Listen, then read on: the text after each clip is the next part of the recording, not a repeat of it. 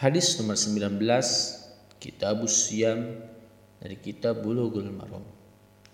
An Aisyah radhiyallahu anha anna Nabiy sallallahu alaihi wasallam iktahala fi Ramadhan wa huwa shaimun. Rawahu Ibnu Majah bi isnadin dhaifin.